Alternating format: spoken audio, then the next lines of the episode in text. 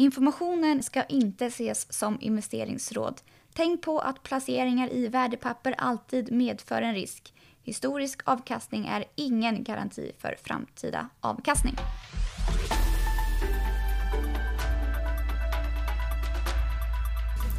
God morgon från Pareto-desken onsdagen den 11 november. Börserna vände ner igår efter en glad start på veckan. S&P 500 backade och Nasdaq fortsatte att backa. Spotify annonserade att man ska köpa ett poddbolag vilket marknaden inte tog emot särskilt väl och Spotify stängde ner på minus 8 Och Vi har ju sett en del rörelser i början av veckan. Så idag tänkte jag att vi skulle prata lite om vinnare och förlorare på coronavaccinet som förmodligen, eller förhoppningsvis, inte är allt för långt borta. I måndags kom ju Pfizer med eh, vaccinnyheten och då var det många aktier som rusade men också många aktier som föll tillbaka. Vi såg bland annat att tech och eh, gamingbolag backade medan flyg och hotell rusade. Hur ska man tänka där? Öppnar det här upp för köpmöjligheter? Ja, det ska vi prata om idag och vi börjar med Pexip, Dennis, som kanske är den mest självklara coronavinnaren, videokonferenslösningar. Vad tycker du om Pexip? Jag är fortsatt positivt inställd till det här caset. Eh, det jag bara vill förtydliga där med, med hänsyn till corona är att bolaget såg liksom en, primärt, en primär effekt på, på försäljningen under Q1 eh, och även till viss del under Q2 till följd av existerande kunder köpte lite mer kapacitet och sådär. Eh, men, men jag tror att de egentligen stora coronaeffekterna, om man vill kalla dem så, de, de kommer mer på medel och lång sikt för Pexip. Och jag tror snarare att det här bolaget har mycket att vinna på när stora bolag återgår till en, en ny normal miljö eh, där vi kanske kommer att se lite mer hybrida kontorsmodeller där bolag kommer att se över sina investeringar i deras existerande videokonferensinfrastruktur. Och där tror jag att Pexip har ett väldigt intressant erbjudande och ligger liksom väldigt intressant positionerade. Så jag tycker att det är lite, jag tycker att det är lite märkligt att, att den aktien faktiskt har tagit stryk här under de senaste dagarna på, på den här nyheten. För att Pexip har inte heller fått samma uppgång. Man har inte en affärsmodell som, som, vad ska man säga, som drar nytta av kortsiktiga Ehm, effekter sett till, till covid-19 utan man, man är fokuserad på större enterprises med längre försäljningscykler ehm, och det, det är liksom där man är starkast.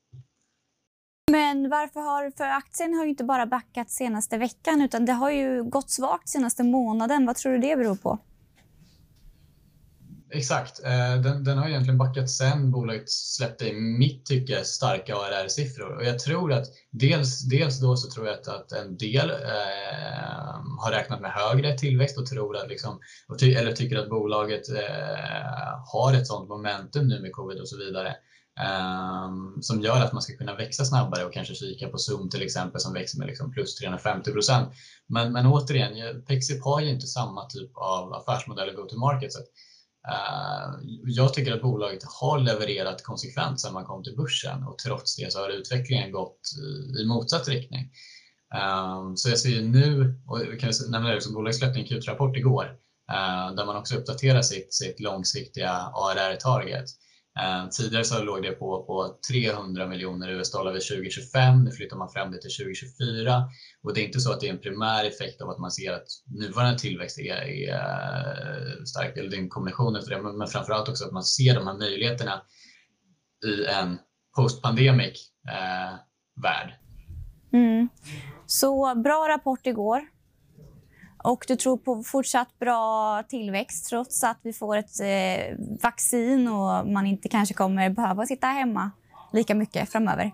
Definitivt. Eh, jag tror att bolag kommer ändå rusta för att rusta eh, och, och göra stora investeringar i sin, sin videokonferensinfrastruktur för att supporta en, en större eh, en, en större del utav eh, sin eh, ska säga, struktur så folk kan jobba hemifrån.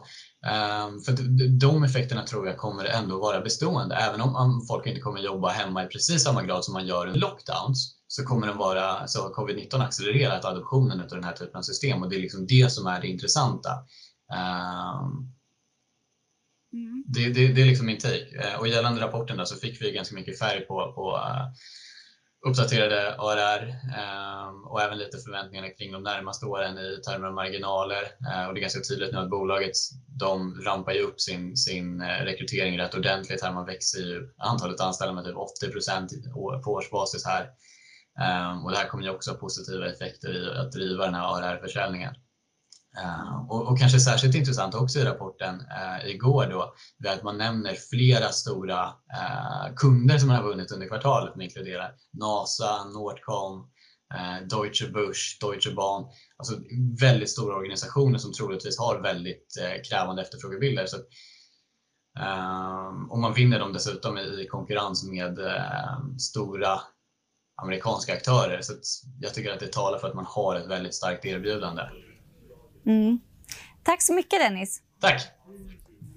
Och vi ska gå vidare och prata om några andra vinnare och förlorare. Storytel släppte ju också en bra rapport igår men handlades ner på rapporten. och Det är väl också en aktie som eh, man skulle kunna förknippa med en eh, lockdown och eh, corona, så att fått en lockdown och coronaeffekt. Men det är en, ändå ett bolag som vi på Pareto är fortsatt väldigt positiva till.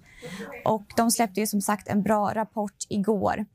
Och inom gaming och iGaming-segmentet så tycker våra analytiker att eh, det finns några bolag man kan plocka upp efter veckans eh, sättning. Embracer, Stillfront, Kambi och Evolution är fyra aktier som har gått bra under coronapandemin men som vi tror kommer fortsätta att gå starkt även efter covid.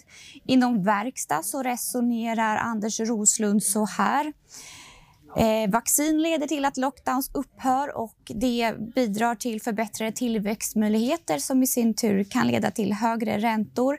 Och Det är value vinner över growth. Cykliskt lågt värderade values är våra favoriter här på Pareto, det vill säga Volvo, SKF, Sandvik och Autoliv. Och av dessa så är Volvo och SKF våra bästa val. Men det finns även andra eh, aktier i, inom verkstad som är eh, intressanta. Det finns ju en del utbombade sektorer som till exempel marint och eh, de här ser vi kan vända vilket leder till att Alfa och eh, Wärtsilä fortsätter att gå starkt och där är Alfa Laval vår favorit.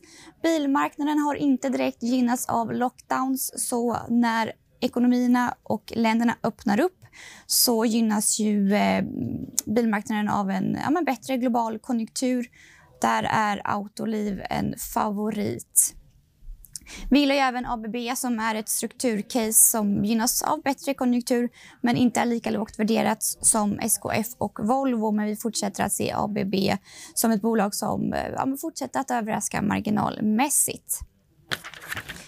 Och eh, fastighetssektorn då? Jo, våra analytiker Fredrik Stensved och Marcus Henriksson menar att eh, ja, men, i och med coronavaccinet så är bolag med retail och hotellexponering attraktivt, exempelvis eh, huvudstaden Diös eller Pandox.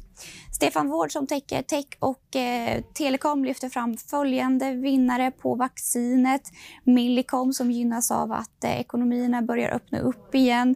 Securitas gynnas av att eh, det blir ökad efterfrågan på flygplatser igen. Och Telia och Tele2 gynnas av roaming och men, eh, övergripande ekonomisk aktivitet. Det var några av vaccinvinnarna och förlorarna som vi ser här på Pareto. Och eh, nu ska jag gå iväg för vi ska ha ett iGaming-seminar här på Pareto. Så vi hörs igen imorgon.